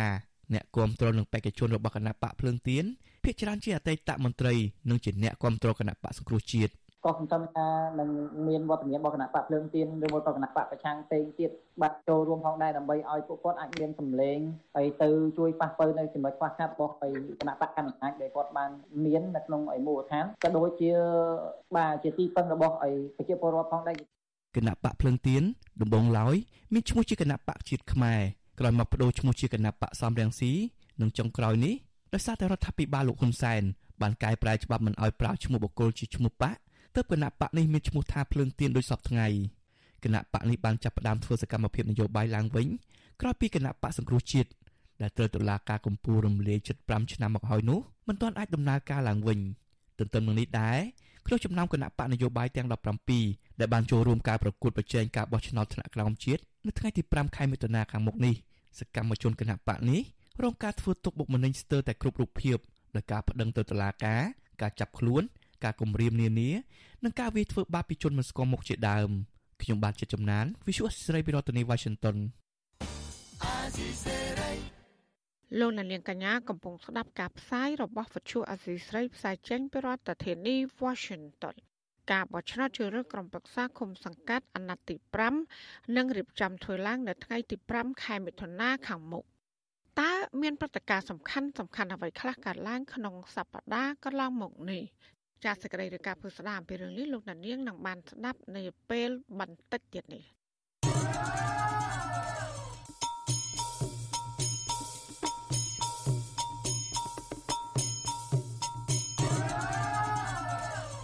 ចាលោកដានៀងជាទីមេត្រីដោយឡែកតកតងនឹងប្រធានគណៈបកសង្គ្រោះជាតិលោកកឹមសុខាបានជួបពិភាក្សាជាមួយអង្គទូតនៃប្រទេសប្រជាធិបតេយ្យជាបន្តបន្ទាប់ក្រោយដែលលោកនាយករដ្ឋមន្ត្រីហ៊ុនសែនបានបញ្ជាក់ថាលោកអាចធ្វើដំណើរទៅព្យាបាលរោគនិងជួបជុំក្រុមគូសានៅក្រៅប្រទេស ចាអ្នកវិភាគនយោបាយយល់ឃើញថាលោកហ៊ុនសែនអាចនឹងបន្ធូរបន្ថយលក្ខខណ្ឌខ្លះទៀតសម្រាប់មេបកប្រឆាំងរូបនេះក៏ប៉ុន្តែមិនទលំទលាយពេកដែរចាលោកយ៉ងច័ន្ទរាមានសក្តិភាពដាច់ដライមួយទៀតជំវិញព័ត៌មាននេះ ប្រធានគណៈបកសង្គ្រោះជាតិលោកកឹមសុខាហាក់មមាញឹកក្នុងការជួបប្រស្រ័យតាក់ទងជាមួយអង្គទូតបរទេសដោយនៅក្នុងសប្តាហ៍នេះលោកបានជួបជាមួយឯកអគ្គរដ្ឋទូតនិងឯកអគ្គរដ្ឋទូតបរទេសសំខាន់ៗចំនួន4ក្នុងនោះរួមមានសហរដ្ឋអាមេរិកសហភាពអឺរ៉ុបអាល្លឺម៉ង់និងជប៉ុនលោកកឹមសុខាឲ្យដឹងនៅលើ Facebook ថាលោកបានជួបពិភាក្សាជាមួយអង្គទូតបរទេសទាំងនេះអំពីដំណើរការប្រជាធិបតេយ្យសិទ្ធិមនុស្សនិងយុត្តិធម៌នៅកម្ពុជា ក្នុងនោះក៏រួមទាំងករណីសិទ្ធិសេរីភាពរបស់លោកផងដែរលោកកឹមសុខាមានប្រសាសន៍ថាបើទោះបីជាជំនួបជាហោហែមកនេះមិនទាន់លេចចេញនៅដំណោះស្រាយជាដុំកំភួនយ៉ាងណាក្តីក៏ជំនួបទាំងនេះអាចបញ្ជាក់បានថាសហគមន៍អន្តរជាតិផ្ដល់តម្លៃដល់រូបលោកហើយលោកគឺជាតួអង្គតំណាងឲ្យឆន្ទៈពលរដ្ឋខ្មែរដែលអាចចូលរួមស្វែងរកដំណោះស្រាយបញ្ហាជាតិ ភាពមមាញឹករបស់លោកកឹមសុខានៅក្នុងការជួបជាមួយអង្គទូតបរទេសនេះកើតមានឡើងក្រោយពីលោកទទួលបានភ្លើងខៀវពីលោកនាយរដ្ឋមន្ត្រីហ៊ុនសែនតាក់ទងទៅនឹងការធ្វើដំណើរទៅក្រៅប្រទេសលោកហ៊ុនសែនបានទម្លាយថាលោកកឹមសុខា បានស្នើសុំលោកចេញទៅក្រៅប្រទេសពេលទៅចូលរួមបុណ្យសពបងប្រុសរបស់លោកកាលពីថ្ងៃទី8ខែឧសភា លោកហ៊ុនសែនថ្លែងថាការចេញទៅក្រៅប្រទេសដើម្បីពិនិត្យសុខភាពឬជួបជាមួយសាច់ញាតិមិនគួរជាចំណោទបញ្ហានោះទេក៏ប៉ុន្តែលោកថាការសម្រេចយ៉ាងណានោះគឺអាស្រ័យលើឆន្ទានុសិទ្ធិរបស់តុលាការរឿងកម្មសការសុំមកក្រៅប្រទេសហ្នឹងហ្នឹងគឺស្រែកតឡាការទេព្រោះឥឡូវគាត់មានសិទ្ធិដើរនៅក្នុងប្រទេសគ្រាន់តែថ្ងៃនោះខ្ញុំបង្ហាញអារម្មណ៍របស់ខ្ញុំថាទេរឿងសុំទៅក្រៅប្រទេសដូចជារឿងទៅពិនិត្យសុខភាពឬមកសួរទុកទុកកូនចៅ ដូចជាមិនគួរជាឧបសគ្គនៃបញ្ហាទេប៉ុន្តែត្រង់សម្រេចឲ្យទៅឬមិនឲ្យទៅគឺជាអំណាចពេញលេញរបស់តុលាការខ្ញុំមិនលូកលាន់ទេលោកហ៊ុនសែនថ្លែងបែបនេះនៅក្នុងពេលជួបសំណេះសំណាលជាមួយក្រុមអ្នកគាំទ្រនៅរដ្ឋធានី Washington សហរដ្ឋអាមេរិកកាលពីថ្ងៃទី12ខែឧសភាវិទ្យុអាស៊ីសេរីមិនទាន់អាចតាក់ទងក្រុមមេធាវីការពារក្តីឲ្យលោកកឹមសុខាដើម្បីសាកសួរអំពីរឿងនេះបានទេនៅថ្ងៃទី13ឧសភា កាលពីខែមីនាកន្លងទៅតុលាការក្រុងភ្នំពេញបានបដិសេធសំណើរបស់លោកកឹមសុខាដែលស្នើសុំទៅចូលរួមកិច្ចប្រជុំថ្នាក់អន្តរជាតិមួយនៅប្រទេសអាល្លឺម៉ង់ជុំវិញរឿងនេះអ្នកវិភាគនយោបាយលោកកឹមសុខថ្លែងថាតុលាការអាចនឹងអនុញ្ញាតឲ្យលោកកឹមសុខាធ្វើដំណើរទៅក្រៅប្រទេសតាមបញ្ជារបស់លោកហ៊ុនសែនក៏ប៉ុន្តែលោកយល់ថាដំណើរទៅក្រៅប្រទេសនោះអាចត្រឹមតែជាការទៅពិនិត្យសុខភាពឬទៅជួបសាច់ញាតិតែប៉ុណ្ណោះ ដោយលោកកឹមសុខាទំនងជាមិនអាចចូលរួមវេទិកាថ្នាក់អន្តរជាតិណាមួយបានឡើយក្នុងលក្ខខណ្ឌដែលលោកកឹមសុខាសូមទៅធ្វើការទូតកម្រិតខ្ពស់កម្រិតអន្តរជាតិជាមួយនឹងមេដឹកនាំរដ្ឋាភិបាលធំធំនៅលើសកលលោកខ្ញុំយល់ថាលោកហ៊ុនសែនក៏នៅតែពិចារណារដ្ឋបတ်នៅឡើយទេហើយលោកហ៊ុនសែននិយាយនៅសហរដ្ឋអាមេរិកទំនងជានិយាយគូទ្រូងបន្តិចបន្ធូរស្ថានភាពបន្តិចនៅមុនពេលដែលគាត់ជួបលោកប្រធានាធិបតីសហរដ្ឋអាមេរិកជូបៃដិនតែប៉ុណ្ណោះ ស្រដៀងគ្នានេះដែរអ្នកនាំពាក្យសមាគមការពារសិទ្ធិមនុស្សអាត6លោកសឹងសែនករណាយល់ឃើញថាភ្លើងខៀវពីប្រមុខរដ្ឋាភិបាលនេះនឹងមានអធិបុលលើសំណុំរឿងរបស់លោកកឹមសុខាព្រោះនេះគឺជាសំណុំរឿងនយោបាយលោកថាលោកកឹមសុខាគួរតែទទួលបានសិទ្ធិគ្រប់បែបយ៉ាងមកវិញ ជាពិសេសគឺសិទ្ធិធ្វើនយោបាយមិនមែនត្រឹមតែជាសេរីភាពដើរហើរនៅក្រៅប្រទេសនោះទេ វាមិនមែនជារឿងខុសច្បាប់ទម្លាប់អ្វីទេព្រោះយើងពិនិត្យមើលកន្លងមកផោះតាងដាក់បន្ទុកទៅលើលោកកឹមសុខាដូចជាមិនមានលក្ខណៈគ្រប់គ្រាន់ក្នុងការចោទប្រកាន់ទេអញ្ចឹងវាគួរតែដល់ចំណុចអាចថាមានការទម្លាក់ចោលបទចោទប្រកាន់ទៅហើយផ្ដល់សិទ្ធិសេរីភាពមកដល់លោកកឹមសុខាឲ្យគាត់បានធ្វើសកម្មភាពនយោបាយតាន់ពេលការបោះឆ្នោតមកដល់នេះ ប្រធានគណៈបកសង្គ្រោះជាតិលោកកឹមសុខាបានបាត់បង់សិទ្ធិធ្វើនយោបាយនិងសេរីភាពដើរហើរទៅក្រៅប្រទេសអស់រយៈពេល75ឆ្នាំមកហើយតុលាការដែលស្ថិតនៅក្រោមអធិបុលរបស់លោកហ៊ុនសែនបានចោទប្រកាន់លោកពីបទត្រូវរើគ្នាជាមួយបរទេសដើម្បីផ្ដួលរំលំរដ្ឋាភិបាលក៏ប៉ុន្តែមកទល់នឹងពេលនេះក្រុមអ្នកសង្កេតការណ៍វិតម្លៃថាតុលាការគ្មានភ័ស្តុតាងរឹងមាំដើម្បីបន្តចោទប្រកាន់លោកកឹមសុខានោះឡើយ។ លោកនាយករដ្ឋមន្ត្រីហ៊ុនសែនដែលជាអ្នកបញ្ជាឲ្យចាប់ខ្លួនលោកកឹមសុខាទាំងកណ្ដាលអាត្រៀតនោះធ្លាប់បានចោទប្រកាន់ពេញពេញមាត់ថាសហរដ្ឋអាមេរិកគឺជាអ្នកនៅពីក្រោយខ្នងផែនការរបស់លោកកឹមសុខាក៏ប៉ុន្តែនៅពេលមកចូលរួមកិច្ចប្រជុំកំពូលពិសេសអាស៊ានអាមេរិកនៅពេលនេះវិញបរិះខ្លាំងរូបនេះបែរជាក្រឡាស់សម្ដីរបស់ខ្លួនវិញថាលោកមិនបានចោទប្រកាន់អាមេរិកនោះទេហើយលោកហ៊ុនសែនបានប្រែសាច់រឿងនេះទៅជាបញ្ហារវាងសហរដ្ឋអាមេរិកនិងលោកកឹមសុខាទៅវិញ។ ខ្ញុំយ៉ងច័ន្ទដារាវិទ្យុអាស៊ីសេរីរាយការណ៍ពីរដ្ឋធានី Washington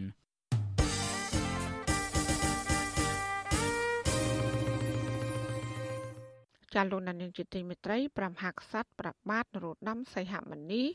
បានចេញបរិយាក្រិតត្រាស់បង្គាប់ឋានន្តរស័ក្តិនិងឋានៈប្រចាំឆ្នាំ2021សម្រាប់ក្របខ័ណ្ឌចៅក្រមចំនួន46នាក់និងក្របខ័ណ្ឌបរិយាអាញាចំនួន30រូបនៅសប្តាហ៍នេះ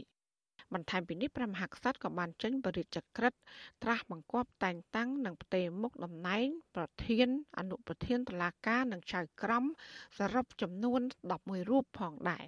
នាយកទទួលបន្ទុកកិច្ចការទូតនៅអង្គការលីកាដូលោក អំសំអាត មានប្រសាសន៍ប្រពន្ធស៊ីស្រីថាការដំឡើងឋានន្តរស័ក្តិនិងឋានៈប៉ះសិនបើនៅក្នុងប្រទេសប្រកាន់ប្រជាធិបតេយ្យគឺគេពិនិត្យមើលស្នាដៃការជួយរកយុត្តិធម៌ក្នុងសង្គម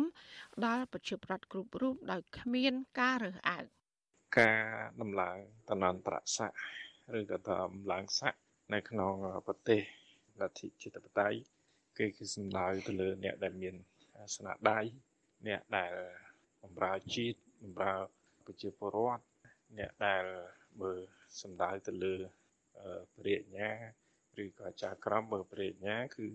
ជាអ្នកដើរតួនាទីតំណាងឲ្យរដ្ឋដើម្បីរក្សាសណ្ដាប់ធ្នាប់សន្តិសុខនៅក្នុងសង្គមធានាអំពីការអនុវត្តសិទ្ធិសេរីភាពរបស់ប្រជាពលរដ្ឋធានាអំពីសន្តិសុខសុវត្ថិភាពរបស់ប្រជាពលរដ្ឋនិងធានា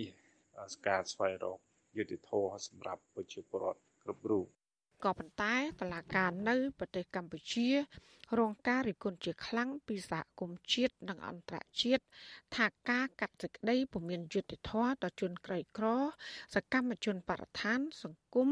និងសកម្មជននយោបាយនោះឡើយជាក់ស្ដែងសកម្មជនដីធ្លីដែលទាមទារសិទ្ធិដីធ្លី និងសកម្មជនគណៈបកប្រជាជាតិជាច្រើនអ្នកត្រូវបានតុលាការចោទប្រកាន់និងចាប់ដាក់ពន្ធនាគារពីបទញុះញង់ ពីបទក្បត់ជាតិនិងប៉ុនប៉ងផ្ដួលរំលំរដ្ឋាភិបាលជាដើមចាតកតងនឹងអំពើពុករលួយនេះអង្គការដំឡាភិបអន្តរជាតិដែលមានមូលដ្ឋាននៅប្រទេសអាល្លឺម៉ង់បានចាត់ថ្នាក់កម្ពុជាលេខ157លើ180ប្រទេសនិងដែនដី ក្នុងសន្ទុះនៃអំពើពុករលួយសម្រាប់ឆ្នាំ2021 ចាកម្ពុជាក៏ជាប្រទេស ដែលមានកម្រិតអំពើពុករលួយខ្ពស់ដោយជាប់ចំណាត់ថ្នាក់ទាបបំផុត ក្នុងចំណោមប្រទេសជាសមាជិកអាស៊ានទាំង10និងចំណាត់ថ្នាក់ទាបបំផុតទី3នៅក្នុងតំបន់អាស៊ីប៉ាស៊ីហ្វិក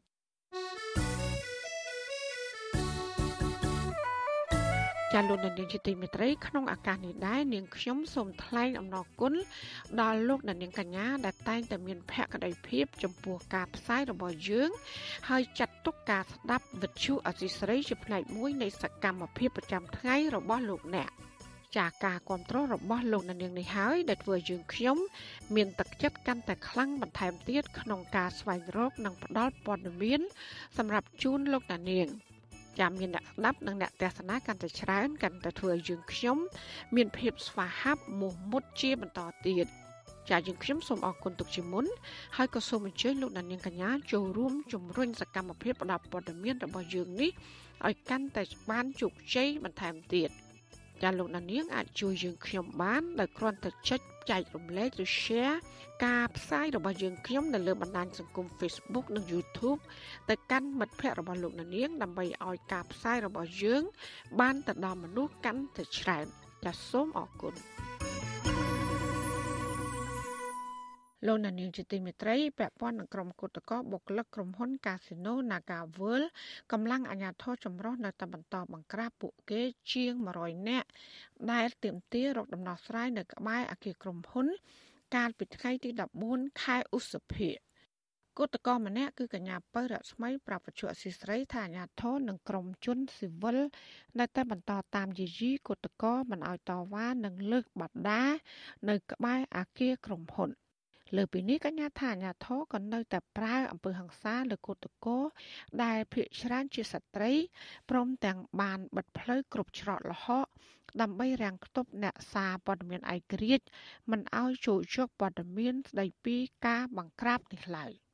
កញ្ញាចាត់ទុកទង្វើរបស់អាញាធរបែបនេះថាកំពុងតែអនុវត្តទូនីតិផ្ទុយពីច្បាប់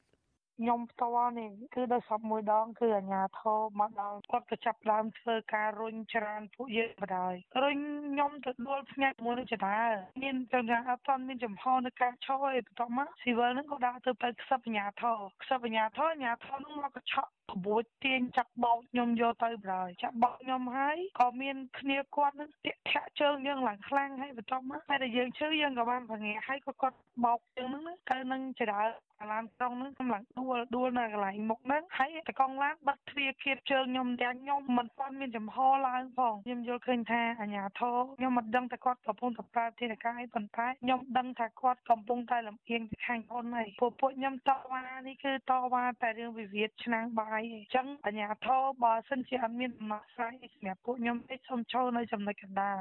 ចាអររយៈពេលជាង5ខែកន្លងមកនេះការធ្វើកតកម្មរបស់ពួកគាត់មិនត្រឹមតែគ្មានដំណោះស្រាយសមរម្យនោះទេក៏ប៉ុន្តែបែរជាទទួលរងការប្រាអំពើហិង្សាពីសំណាក់អាជ្ញាធរថែមទៀតលើពីនេះក្រុមកម្មករដែលក្រុមហ៊ុនបានបញ្ឈប់ដោយមិនសមស្របតាមច្បាប់ស្តីពីការងារមកដល់ពេលនេះពួកគាត់ក៏កំពុងប្រឈមបញ្ហាជំពាក់បំណុលនិងមានជីវភាពគ្រួសារកាន់តែដុនដាប គិតត្រឹមរយៈពេល3ថ្ងៃចុងក្រោយនេះកញ្ញាពៅរស្មីថាមានគុតកោយ៉ាងហោចណាស់10នាក់ក្នុងនោះរួមទាំងកញ្ញាផងមានស្លាកស្នាមជាប់លើដងខ្លួនដោយសារតែអាជ្ញាធរនិងជនស៊ីវិលបានវាយទាត់ធាក់ដល់ក្នុងរថយន្តពេលដែលពួកគាត់ព្យាយាមធ្វើកតកម្មនៅក្បែរអគារក្រុមហ៊ុនទោះយ៉ាងណាកញ្ញាថាក្រុមគុតកោនៅតែប្រកាន់ជំហរបន្តចេញធ្វើគុតកម្មដោយសន្តិវិធីដើម្បីទាមទារឲ្យតកែក្រុមហ៊ុន បញ្ឈប់ការរើសអើងសហជីពនិងត្រូវទទួលយកបុគ្គលិកចំនួន200នាក់ឲ្យចូលបម្រើការងារវិញ។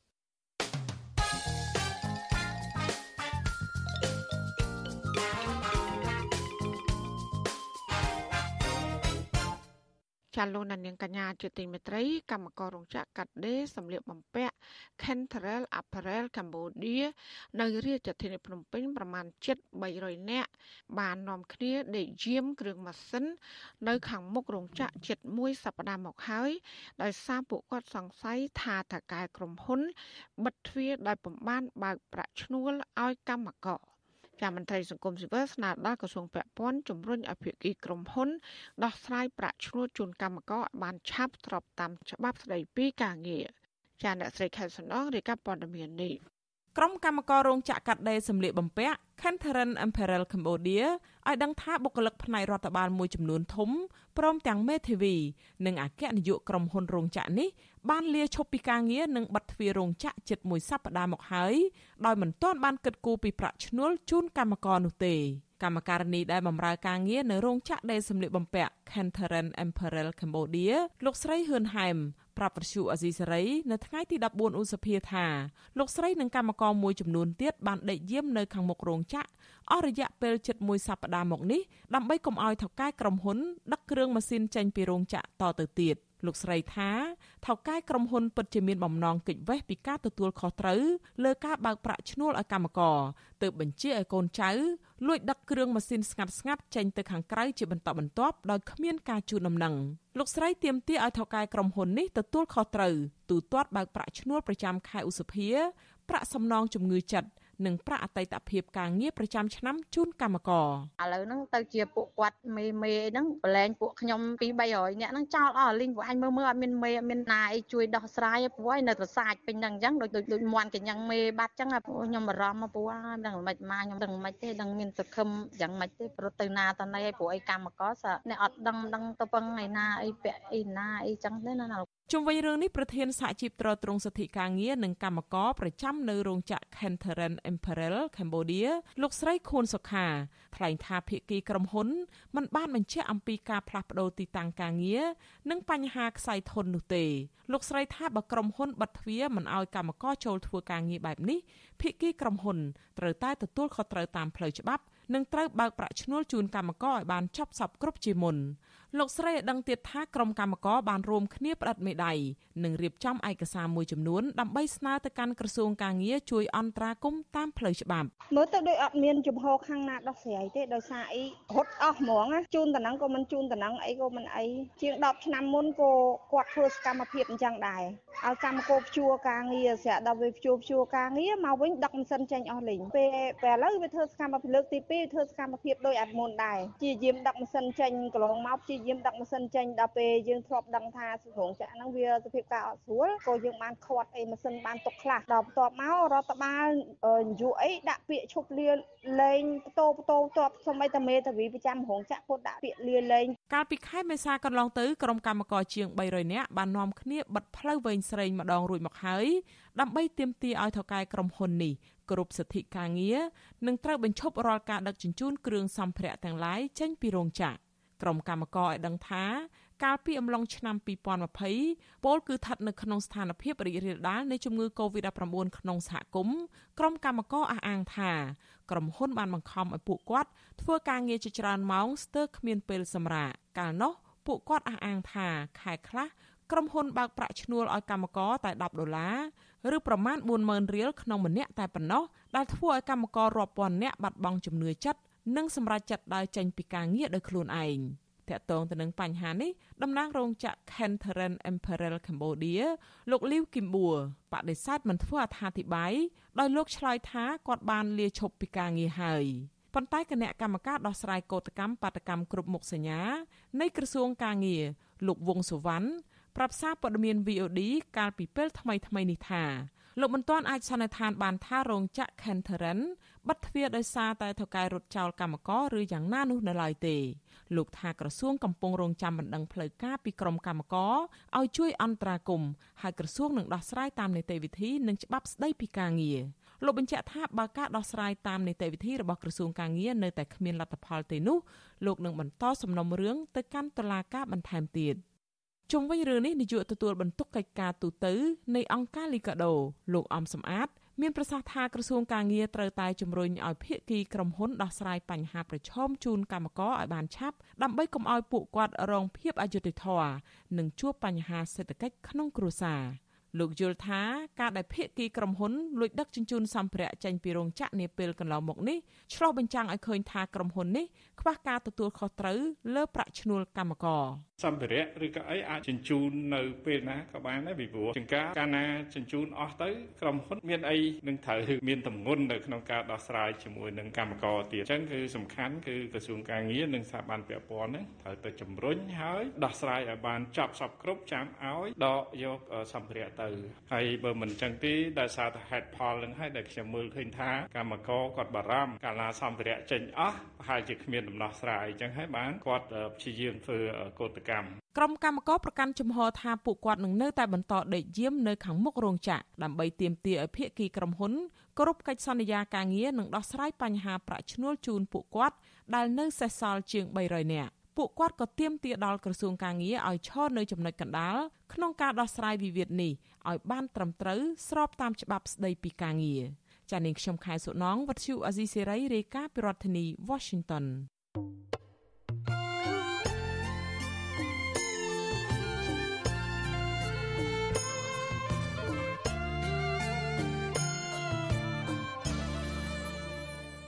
ចាលោកនានីជាទីមេត្រីនៅឯខេត្តបៃលិនអនុវិញ ប្រធានពន្ធនាគារខេត្តនេះរងការចាប់ប្រកាន់ថាបានខុបខិតជាមួយមន្ត្រីពន្ធនាគារបង្ខំឲ្យអ្នកទោសបង់ប្រាក់ប្រចាំខែជាធ្នូនឹងការអនុញ្ញាតឲ្យប្រើប្រាស់ទូរស័ព្ទដៃដោយសេរីក្នុងពន្ធនាគារការមន្ត្រីសង្គមស៊ីវិលជំរុញអាជ្ញាធរថ្នាក់លើស៊ើបអង្កេត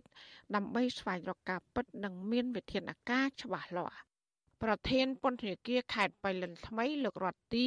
រងការចាប់ប្រកាន់ដូចជាប្រធានពន្ធនាគារចាស់ដែរពាក់ព័ន្ធនឹងការប្រព្រឹត្តអំពើពុករលួយតាមរយៈការយកលុយពីអ្នកជាប់ឃុំ ក្នុងមួយខែចាប់ពី800ទៅ1000ដុល្លារជាធ្នូនិងការអនុញ្ញាតឲ្យអ្នកជាប់ឃុំប្រើប្រាស់ទូរស័ព្ទដៃទំនើបទំនើបដោយសេរី ជុំវិញរឿងនេះប្រធានពន្ធនាគារខេត្តបៃលិនលោករដ្ឋទីបដិសេធចំពោះការចោទប្រកាន់មកលើអង្គភាព និងមន្ត្រីរបស់លោកពីការបង្ហោះឃ្លីបវីដេអូតាមបណ្ដាញសង្គមថាជាការបំភ្លើសទាំងស្រុងខ្ញុំវាមិនដែលមានគំនិតទីណាទៅធ្វើអញ្ចឹងចឹងហើយឲ្យមន្ត្រីខ្ញុំណាទៅធ្វើអញ្ចឹងចឹងនេះសុទ្ធតែពាក្យតែគេបំភ្លឺនៅក្នុងអង្គភាពខ្ញុំ វាអត់អត់មានផងបងខ្ញុំកងភាពខ្ញុំវាអត់មានខ្ញុំឲ្យព្រោះអត់ខ្ញុំមិនមិនឲ្យអ្នកទោសនឹងប្រើទូរស័ព្ទប្រើអីចឹងចឹងហើយនឹងពាក្យសររូបភាពគេចាស់ពីកាលខ្ញុំអត់ដឹងដែរព្រោះខ្ញុំទៅមកដល់កាន់ថ្មីព្រោះខ្ញុំអត់ដឹងដែរខ្ញុំពេលខ្ញុំមកកាន់ខ្ញុំប្រក្រាបដូចអត់មាន ការបដិសេធនេះគឺនៅបន្ទាប់ពីអ្នកប្រើប្រាស់បណ្ដាញសង្គម Facebook បានចែកចាយវីដេអូឃ្លីបចំនួន2កាលពីថ្ងៃទី12ខែឧសភាកន្លងទៅ ដោយឃ្លីបទី1បង្ហាញអំពីជនជាប់ឃុំម្នាក់បានទូរស័ព្ទចេញពីពន្ធនាគារឲ្យក្រុមគូសាចងការប្រាក់គេ ចំនួន600ដុល្លារដើម្បីយកមកឲ្យខ្លួនបង់ថ្លៃប្រចាំខែទៅមន្ត្រីពន្ធនាគារដើម្បីប្រើប្រាស់ទូរស័ព្ទនៅក្នុងពន្ធនាគារ រីឯវីដេអូទី2បង្ហាញអំពីសកម្មភាពរបស់អ្នកជាប់ឃុំមួយក្រុមដោយប្រើប្រាស់ទូរស័ព្ទដៃនិងអួតគ្នាពីកន្លែងខ្លួនដែលរស់នៅ ក្នុងពន្ធនាគារប្រើទូរស័ព្ទទំនើបទំនើបដោយសេរី ពីព្រោះបានបង់ប្រាក់ប្រចាំខែឲ្យប្រធានពន្ធនាគាររួចហើយមន្ត្រីសម្របសម្រួលសមាគមការពារសិទ្ធិមនុស្សអាត់ហុកប្រចាំខេត្តបាត់ដំបងនិងខេត្តបៃលិនលោកយិនមេលីថ្លែងថាការដែលអនុញ្ញាតឲ្យជនជាប់ចោត ទណ្ឌិតឬក៏បរិវត្តជនប្រើប្រាស់ទូរស័ព្ទផ្ទាល់ខ្លួន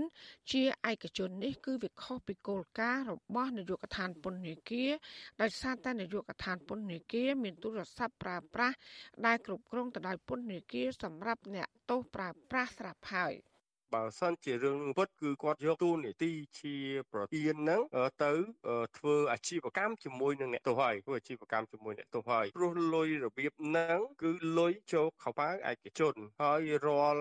លុយដែលវាបានមករបៀបហ្នឹងដោយបានមកហើយវាចូលកប៉ាល់ឯកជនមិនមានវិក័យប័ត្រត្រឹមត្រូវអាហ្នឹងគឺជាអំពើពុករលួយ លោកយិនមីលីបន្ថែមថាសម័យខ្លួនមិនដែលទទួលស្គាល់ថាខ្លួន បានប្រព្រឹត្តអំពើពុករលួយទេក៏ប៉ុន្តែដើម្បីរកការពិត គឺបរិយាអាញាអគ្គនាយកដ្ឋានពន្ធនាគារគួរចាប់ផ្ដើមអង្កេតដោយប្រុងប្រយ័ត្នពីព្រោះជនជាប់ឃុំរស់នៅក្នុងពន្ធនាគារ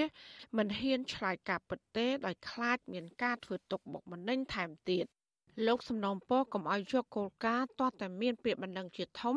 គឺគួរតែយកគោលការណ៍ព័ត៌មានជាធំវិញ ហើយបើកការស៊ើបអង្កេតស្រាវជ្រាវឲ្យបានច្បាស់លាស់កាលពីឆ្នាំ2020ពន្ធនាគារបៃលិនក្រោមការគ្រប់គ្រងរបស់លោកលឹមវាសនាក៏ធ្លាប់រឿងបែកធ្លាយវីដេអូចំនួន3ករណីផងដែរដែលជនជាប់ឃុំ បានប្រើប្រាស់ទូរស័ព្ទនៅក្នុងពន្ធនាគារដោយសេរីដូចគ្នានេះដែរ ចាលោកនាងជាទីមេត្រីក្រោយទៅពីការស្ដាប់ការផ្សាយរបស់វិទ្យុអសីស្រីតាមបណ្ដាញសង្គម Facebook និង YouTube លោកនាងកញ្ញាក៏អាចស្ដាប់ការផ្សាយរបស់យើង តាមរយៈរលកធាតុអាកាសខ្លីឬ Short Wave ដូចតទៅចាប់ពីព្រឹកចាប់ពីម៉ោង5កន្លះដល់ម៉ោង6កន្លះគឺតាមរយៈរលកធាតុអាកាសខ្លី12140 kHz ស្មើនឹងកម្ពស់ 25m និង13715 kHz ស្មើនឹងកម្ពស់ 22m ចាសម្រាប់ពេលយប់វិញគឺចាប់ពីម៉ោង7កន្លះដល់ម៉ោង8កន្លះគឺតាមរយៈរលកធាតុអាកាសខ្លី9960 kHz ស្មើនឹងកម្ពស់ 30m 12140 kHz ស្មើនឹងកម្ពស់ 25m ហើយនឹង11885 kHz ស្មើនឹងកម្ពស់ 25m ចាសសូមអរគុណចាលោកដានៀងជាទីមេត្រីការបោះឆ្នោតជ្រើសរើសក្រុមប្រឹក្សាឃុំសង្កាត់អាណត្តិទី5នេះនឹងរៀបចំធ្វើឡើងនៅថ្ងៃអាទិត្យទី5ខែមិថុនាខាងមុខតើនៅក្នុងអំឡុងពេលមួយសប្តាហ៍កន្លងមកនេះមានព្រឹត្តិការណ៍សំខាន់សំខាន់អ្វីខ្លះកើតឡើង ចាជាបន្តទៅទៀតនេះលោកជាតិចំណាននឹងដកស្រង់សង្ខេបនៅព្រឹត្តិការណ៍សំខាន់សំខាន់ទាំងនោះតកតងនឹងការបោះឆ្នោតជ្រើសរើសក្រុមប្រឹក្សាឃុំសង្កាត់ដូចតទៅមន្ត្រីសង្គមស៊ីវិលជំរុញទៅគណៈកម្មាធិការជាតិរៀបចំការបោះឆ្នោត និងអាជ្ញាធរបង្កបរិយាកាសល្អដល់គ្រប់គណៈបកនយោបាយក្នុងយុទ្ធនាការឃោសនារកសម្លេងឆ្នោតនៅថ្ងៃខាងមុខឆ្លើយតបនឹងការលើកឡើងនេះអ្នកនាំពាក្យកោជបអះអាងថា កោជបបានរៀបចំរួចហើយដើម្បីឲ្យការឃោសនានេះដំណើរការល្អនិងដោយគ្មានចំនួនអ្នកខ្លំមើលការបោះឆ្នោតលើកឡើងថាការឃោសនារកសម្លេងឆ្នោតគឺជាផ្នែកដ៏សំខាន់មួយដែលអាចឲ្យគណៈបកនយោបាយការប្រជាប្រិយភាពប៉ុន្តែពួកគេជំរុញឲ្យធ្វើសកម្មភាពនេះដោយគោរពច្បាប់ហើយគណៈបកនយោបាយដែលចូលរួមឃោសនាក៏ត្រូវមានការយោគយល់គ្នាទៅវិញទៅមកតាក់ទងទៅនឹងការបោះឆ្នោតនេះដែរព្រះមហាក្សត្រខ្មែរព្រះករុណាព្រះបាទនរោត្តមសីហមុនីកាលពីពេលថ្មីថ្មីនេះព្រះអង្គអំពាវនាវដល់ពលរដ្ឋ ឲ្យទៅបោះឆ្នោតគ្រប់គ្រប់គ្នាដោយគ្មានការព្រួយបារម្ភពីការគៀបសង្កត់ការគំរាមកំហែងឬការសម្លុតពីជនណាម្នាក់នោះឡើយព្រះអង្គមានបន្ទូលនៅក្នុងព្រះរាជសារថាពលរដ្ឋមានសិទ្ធិសេរីភាពបោះឆ្នោតឲ្យបេក្ខជនឬគណៈបកនយោបាយណាមួយដែលខ្លួនពេញចិត្តព្រោះជាការបោះឆ្នោតជាសកលដោយសម្ងាត់តាមលទ្ធិប្រជាធិបតេយ្យសេរីពហុបកបាទពាក់ព័ន្ធទៅនឹងរឿងរ៉ាវរបស់មេបកប្រឆាំងវិញមេធាវីលោកកឹមសុខារំពឹងថាសំណុំរឿងលោកកឹមសុខាអាចនឹងឆាប់ចប់ក្រោយពីលោកហ៊ុនសែន ថារដ្ឋាភិបាលមិនបានចោទប្រកាន់សហរដ្ឋអាមេរិកថាជាអ្នកនៅពីក្រោយខ្នងលោកកឹមសុខាក្នុងការពន់ពងផ្ដួលរំលំរដ្ឋាភិបាលនោះឡើយមេធាវីសង្ឃឹមដូចនេះក្រោយពេលដែលលោកនាយរដ្ឋមន្ត្រីហ៊ុនសែនថ្លែងពីសហរដ្ឋអាមេរិកថារដ្ឋាភិបាលមិនបានផ្សារភ្ជាប់ជាមួយនឹងសហរដ្ឋអាមេរិកទៅនឹងការចោទប្រកាន់លោកកឹមសុខានោះទេ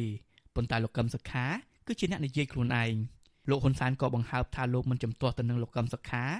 ចេញទៅក្រៅប្រទេសដើម្បីពិនិត្យសុខភាពនោះដែរ លោកមេធាវីផែងហេឲ្យដឹងថានៅក្នុងសំណុំរឿងលោកកឹមសុខាចាប់តាំងពីការចាប់ខ្លួនលោកកឹមសុខាការចោទប្រកាន់របស់ប្រតិអាញានិងចៅក្រមស៊ើបសួរនិងឯកសារពាក់ព័ន្ធនានាគឺបាញ់ឈ្មោះទៅសហរដ្ឋអាមេរិកថាបានជាប់ពាក់ព័ន្ធទៅនឹងការចោទប្រកាន់នេះបាទតុលាការនឹងបន្តសាវនាការសំណុំរឿងលោកកឹមសុខានៅថ្ងៃពុធទី18ខែឧសភាខាងមុខនេះបាទតកតទៅនឹងការធ្វើទុកបុកម្នេញទៅលើសកម្មជនគណៈបកភ្លើងទៀនវិញម្ដងអតីតមេឃុំស្រែគោ ស្រុកសេសានខេត្តស្ទឹងត្រែងលោកសៀកមេគង្គឲ្យដឹងថាមានជនមិនស្គាល់មុខបានបំផ្លាញស្លាកគណៈបកភ្លើងទៀនមួយផ្ទាំងទៀតនៅក្នុងឃុំស្រែគោកាលពីយប់ថ្ងៃទី9ខែឧសភា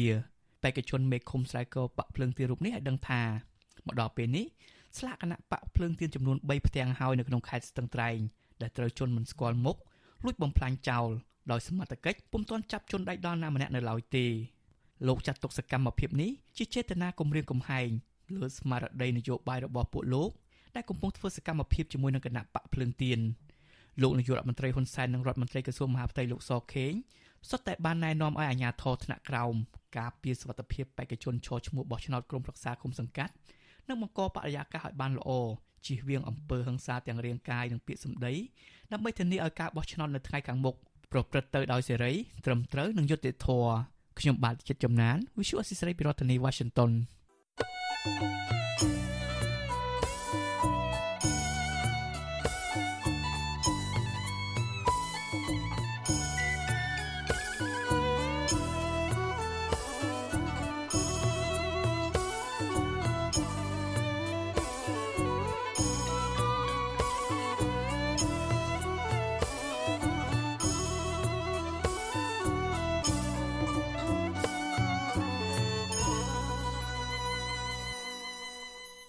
ចាលោកលានាងកញ្ញាអ្នកស្ដាប់ជាទីមេត្រីការផ្សាយរយៈពេល1ម៉ោងរបស់វិទ្យុអាស៊ីស្រីជាភាសាខ្មែរនៅពេលនេះចាប់តែប៉ុណ្ណេះចាយើងខ្ញុំទាំងអស់គ្នាសូមជូនពរលោកលានាងនិងក្រុមគ្រួសារទាំងអស់សូមជួបប្រកបតែនឹងសេចក្តីសុខសេចក្តីចម្រើន ជានិរន្តរ៍ចានាងខ្ញុំម៉ៅសុធានីព្រមទាំងក្រុមការងារទាំងអស់របស់អាស៊ីស្រីសូមអរគុណនិងសូមជម្រាបលា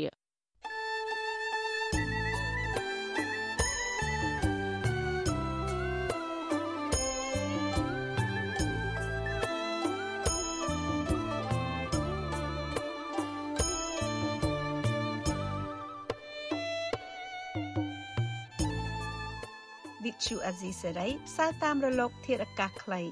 ឬ short wave តាមកម្រិតនិងកម្ពស់ដូចតទៅនេះពេលព្រឹកចាប់ពីម៉ោង5កន្លះដល់ម៉ោង6កន្លះតាមរយៈរលកធាតុអាកាសខ្លី12140 kHz ស្មើនឹងកម្ពស់ 25m និង13715 kHz ស្មើនឹងកម្ពស់ 22m ពេលយប់ចាប់ពីម៉ោង7កន្លះដល់ម៉ោង8កន្លះតាមរយៈរលកធាតុអាកាសខ្លី 9960 kHz ស្មើនឹងកម្ពស់ 30m 12140 kHz ស្មើនឹងកម្ពស់ 25m និង11885 kHz ស្មើនឹងកម្ពស់ 25m លោកអ្នកនាងអាចស្ដាប់ការផ្សាយផ្ទាល់តាមប្រព័ន្ធអ៊ីនធឺណិតដោយចូលទៅកាន់គេហទំព័រ www.rfa.org/ ខ្មែរក្រៅពីនេះលោកអ្នកនាងក៏អាចអាននិងទស្សនាព័ត៌មានវិទ្យុអេស៊ីសេរី លើទូរស័ព្ទដៃរបស់លោកអ្នកផ្ទាល់សូមលោកអ្នកនាងចូលទៅកាន់បណ្ដាញសង្គម Facebook ដែលមានអាសយដ្ឋាន www.facebook.com/rfa cambodia និង YouTube www.youtube.com/rfa Khmer Video សូមលោកអ្នកនាងចុច like និងចុច Subscribe ដើម្បីទទួលបានព័ត៌មានថ្មីៗទាន់ហេតុការណ៍និងទស្សនាវីដេអូផ្សេងៗទៀតបានគ្រប់ពេលវេលា។